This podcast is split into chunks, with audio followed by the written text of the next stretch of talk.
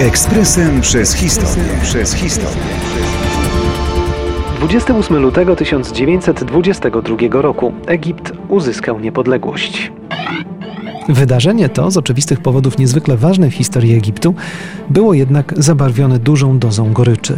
Po dziesięcioleciach panowania brytyjskiego na tym terenie nie dało się go zanegować i przekreślić jednym dekretem. Lista powiązań, przede wszystkim tych gospodarczych, była niezwykle długa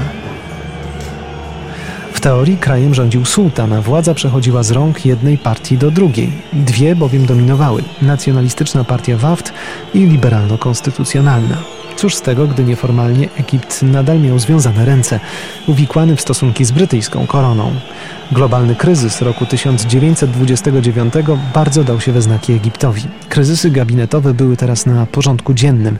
Gospodarka znacznie podupadała. Brytyjczycy, czerpiący tyle profitów z tych ziem, ile to tylko możliwe, nie spieszyli się z pomocą. Sami byli w finansowych tarapatach. Dopiero w drugiej połowie lat 30. Egipcjanom udało się nakłonić Brytyjczyków, by ci zasiedli do stołu rokowań. Podpisano brytyjsko-egipski traktat, który gwarantował stopniowe wycofywanie się wojsk brytyjskich.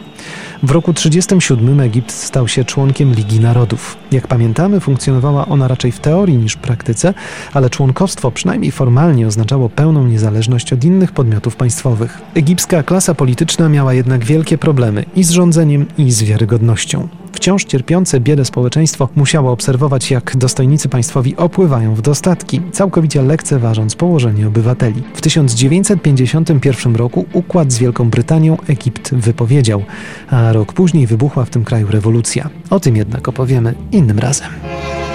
Ekspresem przez historię. Przez historię.